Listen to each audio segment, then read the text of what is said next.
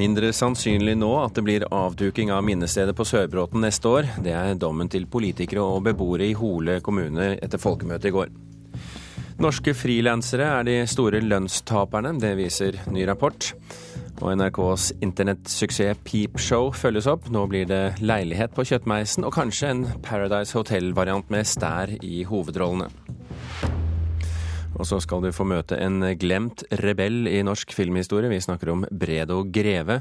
Kulturnytt får du i dag med Birger Kolsrud Jåsund i studio.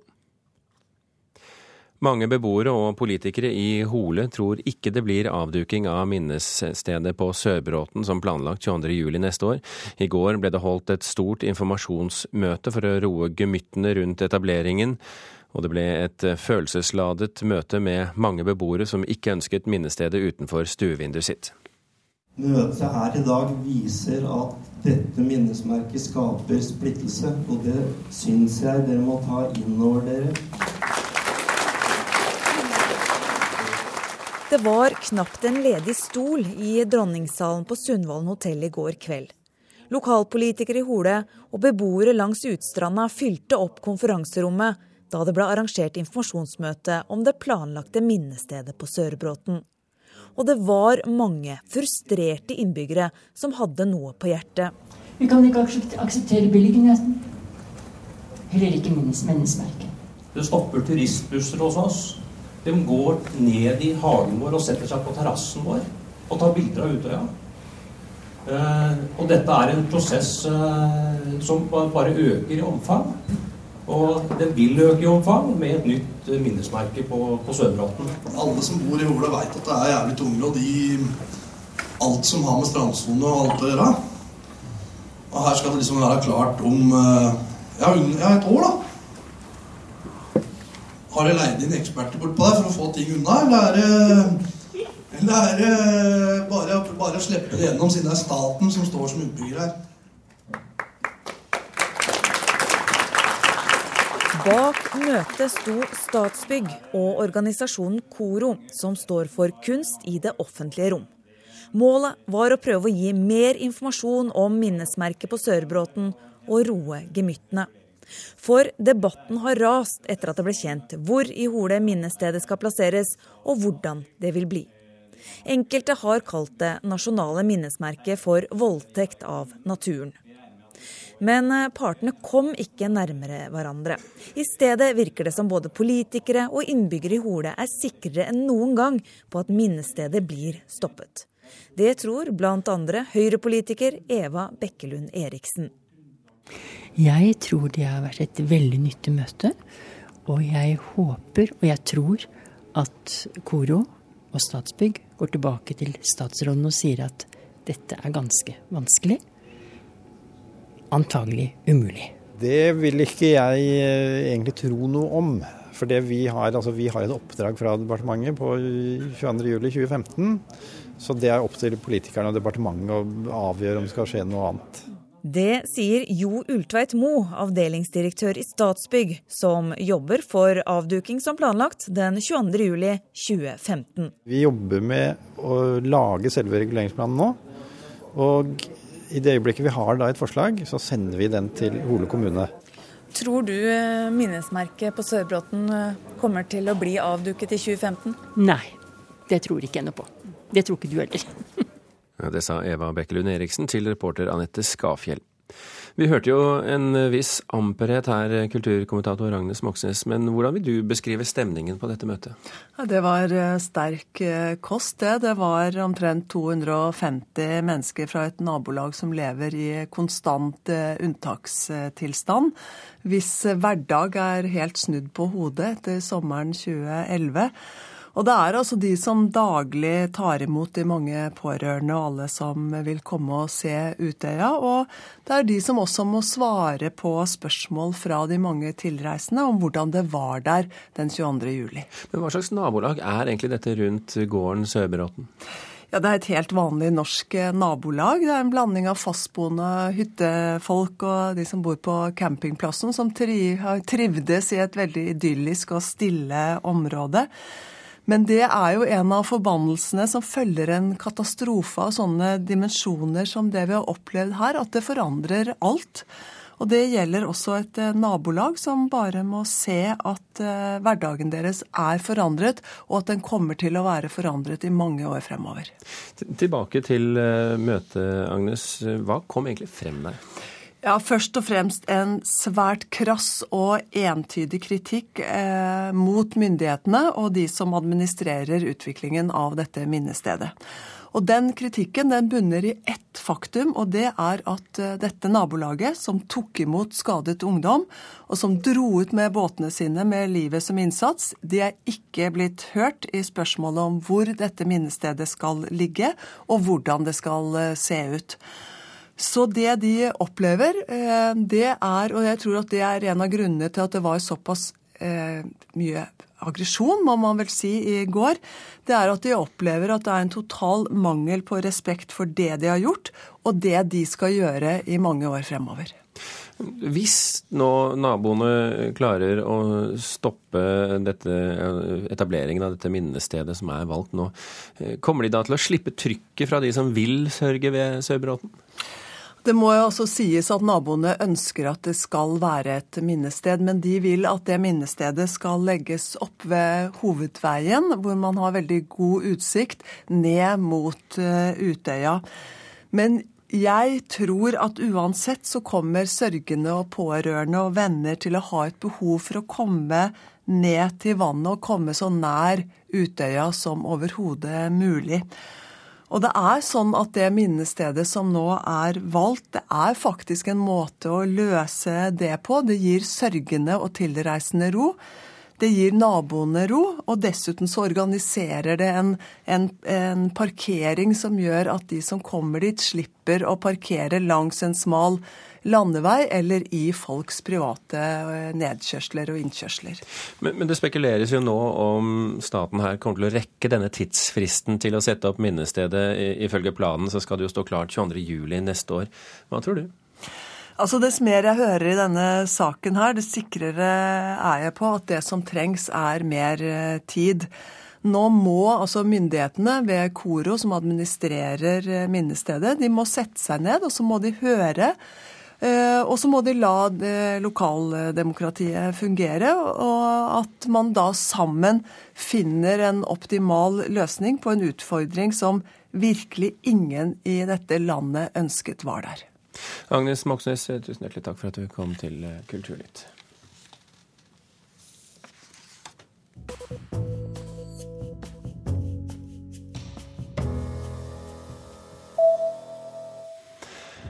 Vi skal til noe helt annet. Vi skal til uh, fugleinteresserte fra 164 land som har vært innom NRKs nettsendte Peepshow siden de, det har pågått de siste ukene.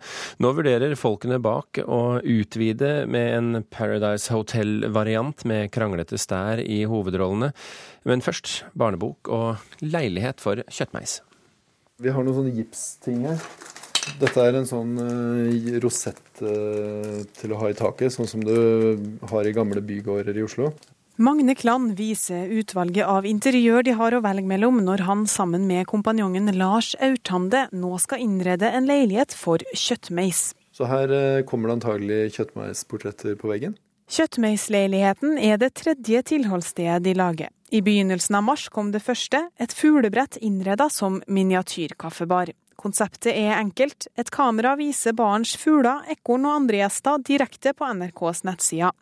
I går åpna det andre konseptet, Leilighet for blåmeis. Det var på nyhetene til den store engelske avisen The Guardian. Lars Aurtande forteller at journalister fra flere land har tatt kontakt angående fenomenet. Det har vært eh, på et canadisk TV-show, på australsk radio, på irsk radio, eh, en engelsk radiokanal. Det var et østerriksk eh, nyhetsbyrå, en tysk nyhetsbyrå. Tall fra NRK viser at personer fra 164 ulike land har vært innom Peepshow siden oppstarten i begynnelsen av mars. Medieforsker Paul Bjerke ved Høgskolen i Volda tror sakte-TV-suksessen er en reaksjon på en medieverden hvor alt annet går fryktelig fort. Og Som alternativ til en sånn utvikling, så er det vel kanskje ikke så overraskende at medieinnslag hvor alt går veldig sakte, og hvor eh, langsomheten er et poeng i seg selv, eh, blir populære hos mange. Bjerke mener at suksessen minner om noe som tidligere var et vellykka pauseinnslag på TV-skjermen. Når eh, NRK nå har suksess med, med, fugler, så er vi jo på et vis tilbake til eh, NRK-fjernsynets barndom, der uh, gullfiskene var uh, en attraksjon. Sånn at uh, her er man tilbake til, til, røttene på noe slags vis. Nå blir det også barnebok av Peepshowet, som var den opprinnelige ideen til prosjektet. Også her har detaljnivået vært viktig. I boka så er, det, så er det et av bildene hvor det ligger, en, det ligger to bøker oppå en hylle. Der endte vi opp med forsiden på en bok om rovfugler. For det er jo sånn, ja, sengelektyre for eh, små meiser som skal ut i verden og lære hva som er farlig. Etter bok og flere fugleleiligheter har de ikke klare planer for framtida, men utelukker ikke reality med stær i hovedrollen. I så fall hadde navnet blitt eh, Vulgaris hotell, fra det latinske navnet på stær, Sturnus vulgaris. Dette måtte bli fugleversjonen av Paradise Hotel, forteller Magne. Det er altså veldig støyete av seg. De skriker fælt og er litt mer sånn rabalderfugler enn meiser. Meiser er jo bare søte og koselige. Men den, jeg tror den uh, Vulgaris hotell hadde blitt knallbra hvis vi bare hadde funnet et sted med masse stær. Så kanskje det er det det blir neste år gang. 733 000 ganger har folk vært inne på NRKs sider og sett på fuglene siden oppstarten. Reporter her, det var eh, Runa Rød. Betalingen til norske frilansere holder ikke tritt med lønnsveksten til andre yrkesgrupper. For mens frilanserne tidligere fikk lønn etter faste satser, er disse satsene nå helt borte. Det viser en ny rapport som ble presentert på Litteraturhuset i Oslo i går kveld. Fantastisk. Kremen av norske frilansere her i kveld. En full sal lytta nøye da en rapport om arbeidsvilkårene for frilansere ble presentert i går. Rapporten, som er skriven på oppdrag for ulike interesseorganisasjoner for frilansere, viser at gruppa har vært tapere i lønnsveksten de siste åra. Hver uke så leser vi i Norge tekster skrevet av norske forfattere, skribenter, journalister, som er betalt 1000 kroner per dag eller mindre for å gjøre det. Det sier Åshild Eidem, kåra til årets frilanser 2013. Hun er en av om lag 2000 frilansere i norsk mediebransje. Det betyr at hun ikke er fast tilsatt, men selger stoff til ulike medium og får betalt per levering. Hun tror konsekvensene hadde vært store om norske frilansere la ned arbeidet. Halve radiosendinger, halvfylte aviser og bøker som ikke kommer ut vi lever av gode frilansere. Det sier nyhetsredaktør i VG, Jane Trondsen. Hun sier hennes avishus har penger til å betale frilanserne sine godt, og vil bare uttale seg på generelt grunnlag. Trondsen er samd i at frilanserne står utsatt til økonomisk. Når mediehusene leter etter steder å kutte, eh, så er det lett å presse pris, eh, eller oppleves som et lett eh, sted å presse pris på hos frilanserne. Og nettopp den pressa økonomiske situasjonen for norske medium peker Tronsen på. Thomas Benz, leder for Norsk Journalistlag, sier i dag at vi er i den største eh, mediekrisen. Eh, vi er en historisk mediekrise. Og så er det sånn at Heldigvis går det veldig bra for VG, men jeg tror at de første som blør når det går dårlig eh, økonomisk med mediehusene, det er frilanserne. Frilanserne er overalt. Det sier Marta Breen, ny leder i Norsk faglitterær forfatter- og oversetterforening, som har mange frilansere som medlemmer. Hun mener mer åpenhet om penger og lønn er veien å gå. Det er mye hysj-hysj når det gjelder eh, penger, eh, men vi må snakke om det. Vi må få fram vilkårene i kontraktene og, vise, og, være med å vise fram eh, situasjonen. Breen mener frilansere er viktige, siden de er det hun kaller frie røyster. Og frie stemmer eh, er eh, etter hvert blitt en sjeldenhet. Så derfor kan man si at den uavhengige frilanseren har en demokratisk verdi i seg selv. Det var Lars Ivar Nordahl og Synne Rustad som hadde laget denne saken. Og la meg bare i denne anledning anbefale kronikken å representere de frie, skrevet av Sara Mats Asme Rasmussen, og den finner du på våre debattsider på nett, nrk.no NRK ytring. Så skal vi se på de Eh, store nyhetene. For klokken er eh, snart 18 minutter over åtte. Du hører på Kulturnytt, og dette er toppsaken i NRK Nyheter. Det som kan være den største sikkerhetsfeilen i historien, har rammet internett. Tore Orderløkken i Norsk senter for informasjonssikring sier at vi bør skifte våre passord, men ikke før vi vet at nettstedet vi bruker har rettet opp feilen. Et beredskapssenter på Alnabru i Oslo kan gjøre det trangt for togtrafikken, mener Jernbaneverket. De har ingenting å bekymre seg for, sier justisminister Anders Anundsen. Og fattige bønder i Asia rammes hvis vi kutter ut palmeoljen, sier NHO. Advarer mot forslag om å merke alle palmeoljeprodukter. For 50 år siden fant Ingrid Albert Alterskjærs mormor deler av en hodeskalle i Lillesand. Siden det har den eh, ligget mer eller mindre gjemt og glemt til den ble levert til Kulturhistorisk museum i Oslo ved årsskiftet. Nå viser det seg at hodeskallen er 2000 år gammel, og kanskje kan den si noe om hvordan de behandlet døde i jernalderen. Vi syns dette er veldig spennende. Nå har jeg jo ringt rundt i familien og spurt for å være sikker på at de dataene som oppgis er rett. og og dette er jo kjempespennende, og håper jo at dette kan gi oss ny historisk kunnskap. Ingrid Albert Alterskjær var bare ti år gammel da mormora fant deler av en hodeskalle under ålegressraking ved familiens eiendom i Kampedalsfjorden i Lillesand på starten av 1960-tallet. Men det ble ikke gjort noe med den, annet enn grubling. Mormor skapte et lite museum, et litt lokalt museum i Skibua fe, der hun tok vare på mangt og mye av gamle fiskeredskaper og bl.a. denne hodeskallen. I januar i år leverte Anders Alterskjær funnet til Kulturhistorisk museum i Oslo, etter å ha hørt om solfunnet i Søgne på radioen. Sol er de eldste levningene som er funnet i Norge, 8600 år gamle, og professor i arkeologi Håkon Glørstad kryssa fingrene for at funnet fra Lillesand var like gammelt. Den ble atskillig yngre, selv om den er så mye som 2000 år gammel. Glørstad sier likevel at funnet av hodeskallen er viktig. Det er jo et interessant funn. Det er jo sjelden vi finner eh, menneskelevninger eh, og skjeletter som er så gamle. og på, den tiden her så var det jo branngravskikk som var den vanlige gravskikken. Det betyr at vi har veldig få skjeletter fra, fra, fra, denne tiden. Så dette kan jo bli et spennende funn å jobbe videre med, med tanke på å samle inn eh, mat, eh, menneskemateriale fra, fra fortiden for å få litt mer uh, grep på dette og litt mer kjøtt på beina, bokstavelig talt, så, så, må vi, eh, så, må vi, se nærmere på funnstedet. Reporter her, det var Miriam Grov.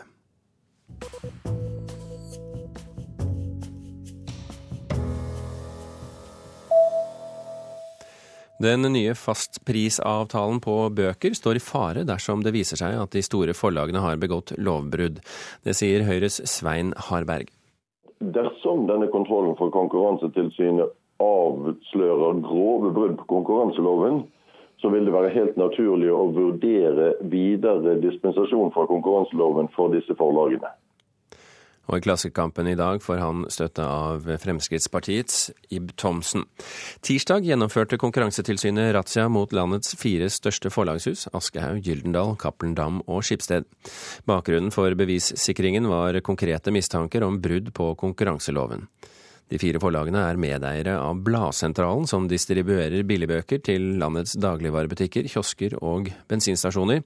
Og det var Magnus Reitans selskap Reitan Convenience som varslet Konkurransetilsynet før tilsynet altså gjennomførte den omfattende razziaen. Det skriver Dagens Næringsliv i dag.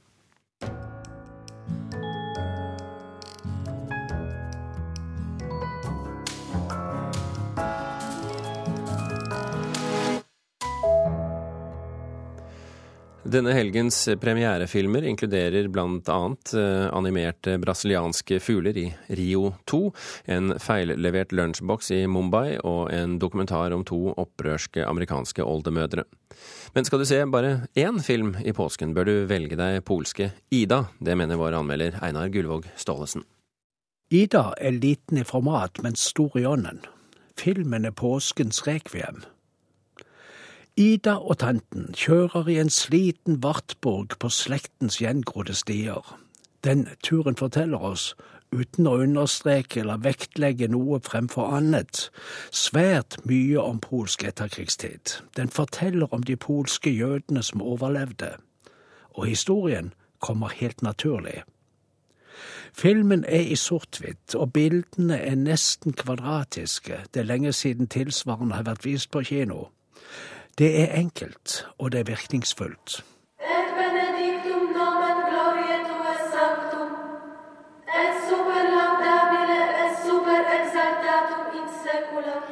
Først ser vi det smale bildet av samfunnet slik Ida ser det fra klosteret. Derfra ser hun lite. Hun er novise og skal snart avlegge løftet til Gud og klosteret om livslang tjeneste der inne. Priorinnen vil bare at hun skal bli kjent med sin tante først. Tanten er Idas eneste slektning. De har aldri møttes. Proszę przyjść po obiedzie, tak po czwartej. Przepraszam. Ida vet lite om hvorfor hun vokste opp i et katolsk barnehjem. Hun har hørt om tanten, hun vet at tanten ble invitert til barnehjemmet ved ulike anledninger, og at hun aldri kom. Etter mange invitasjoner sendte hun svar tilbake om at hun ikke ønsket å komme.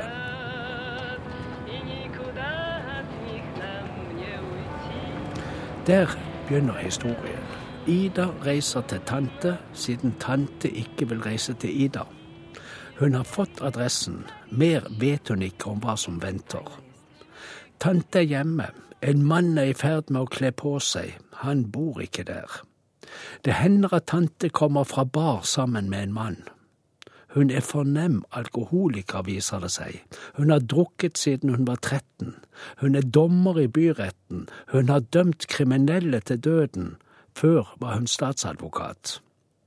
Novisen ble konfrontert med det utenkelige. Den store overraskelsen er at hun selv er jøde. Ida er jødisk og skal bli nonne i katolsk kloster. Ingen har fortalt henne at hun er jødisk. Chętnie. Gdzie się takie kupuje? Tajemnica państwowa. Filmen ruller opp en historie om jøder som forsvant, og polske bønder som flyttet inn i husene deres. Bøndene sier at de skjulte sine jødiske naboer. Ida spør seg hvorfor de samme polakkene da flyttet inn i huset som Idas foreldre eide, og ble der. Hva skjedde med foreldrene? Hadde Ida en bror også? Hvorfor overlevde hun selv? De spørsmålene gjelder en tid som var. Det er like interessant å observere filmens nåtid. Det er klasse over det filmiske, det er klasse over spillet, det er klasse over typene som regissøren Pavel Pavlikovskij har valgt. Det er klasse over fotograferingen. Hvert bilde kunne hengt på en gallerivegg.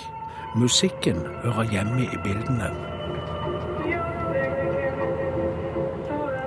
Ida, altså, hvis du skal se bare én film i påsken, ifølge vår anmelder Einar Gullvåg Staalesen. Og la oss fortsette litt å snakke om film. La oss snakke om Bredo Greve, som på 60- og 70-tallet sjokkerte sitt eh, publikum og ble arrestert for filmene sine. Han var da en av våre få filmrebeller. Likevel nevnes han bare med noen bisetninger i filmhistorien. Men nå aktualiseres han i en ny dokumentar. Vi skal sende opp en nødrakett på vegne av norsk filmkultur. Han var provokatør og samfunnskritiker i sin samtid. Så det ble jo rettssaker. Han ble jo nekta visning. Det var jo helt rabalder rundt Bredo. Men i filmhistorien endte Bredo Greve i skyggen.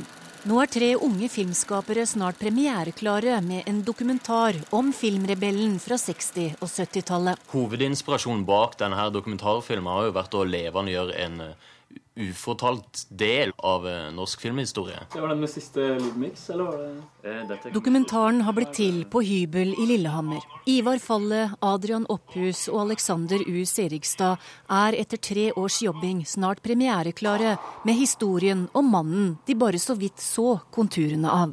Måten han lagde filmene på, gikk mye på det å være uavhengig fra resten av filmbransjen. Bredo Greve gjorde sitt inntog i det gode filmselskap på midten av 60-tallet. Sånn ved nærmere gransking så var de jo idioter, de som alle andre. Så jeg fant at kanskje det var plass til enda en idiot i denne bransjen. Jeg kan ikke helt forestille meg norske filmlivet fra midten av 60-tallet og fram til nå uten Bredo Greve. Sier redaktør i Norsk Filminstitutt Jan Erik Holst om han som i to tiår lagde lavbudsjettfilmer der han utfordret både filmsensur og kinomonopol, og satte fingeren på problemer han så i samfunnet. Jeg vil si at Det drøyeste Bredo Greve har gjort, er eh, Den fine pelskåpa di, hvor han eh, skjøt en pelsdyrfarm gerilja-style, og der får du se noen forferdelig fæle bilder. Eh, som er helt unike i dag. Jeg tror ikke jeg har vist den for noen ennå, som ikke syns det er jævlig bra. Men jeg har ennå ikke fått vist den hos deg. Flere kinosjefer nektet også å vise spillefilmen 'Heksene fra den forstenede skog'. Da han prøvde å vise den ulovlig, kom politiet. Den der er jo eh, godkjent for visning. Ikke her. Offentlig visning, ja. Ja, men ikke her. I Hønefoss. Og i neste spillefilm, filmens vidunderlige verden, trosset han bevisst sensuren. Så han iscenesetter da det som har blitt kalt av Dagbladet Norges drøyeste sex- og voldsscener. I den scenen så knuller vi jo på ordentlig. liksom. Altså Vi ville vise hvor grensene gikk for uh, volden, og hvor grensene gikk for sex. Dere invaderer oss La elva leve, spillefilmen etter Alta-utbygginga, ble slakta av kritikerne, og det ble stille fra Bredo Greve. Men de unge filmskaperne mener han fortsatt er aktuell. Du kan si at Bredo var veldig forut for sin tid. da. Bredo snakker om fri hasj i 1976. Nå er jo det et tema med legalisering av det. Bredo angriper pelsdyrindustrien på 70-tallet. Da alle folk gikk i pels, det var ikke noe motstand. Og nå har jo det vært en sak på det igjen. Så du ser veldig mye av de temaene her er jo blitt aktuelle Det var aktuelle den gangen, men kanskje enda mer aktuelle nå. Vi viste han til, for første gang til Bredo for eh, noen uker siden. og da Eh, vi var litt sånn skeptiske. ok, Kommer han til å like det her eller ikke? Men eh, han var veldig positiv da og mente vi hadde lagd en ny sjanger, nemlig dokumentarkomedie. Vi skal sende opp en nødrakett på vegne av norsk filmkultur. Og til ære for kinosjefen på Hønefoss. Filmen har premiere på Norsk dokumentarfilmfestival i Volda i slutten av april. Reporter her, Torunn Myhre. Kulturnytt er slutt. Frode Thorshaug, Gjermund Jappé og Birger Kålsrud Aasund gir stafettpinnen videre til Øystein Heggen og Nyhetsmorgen.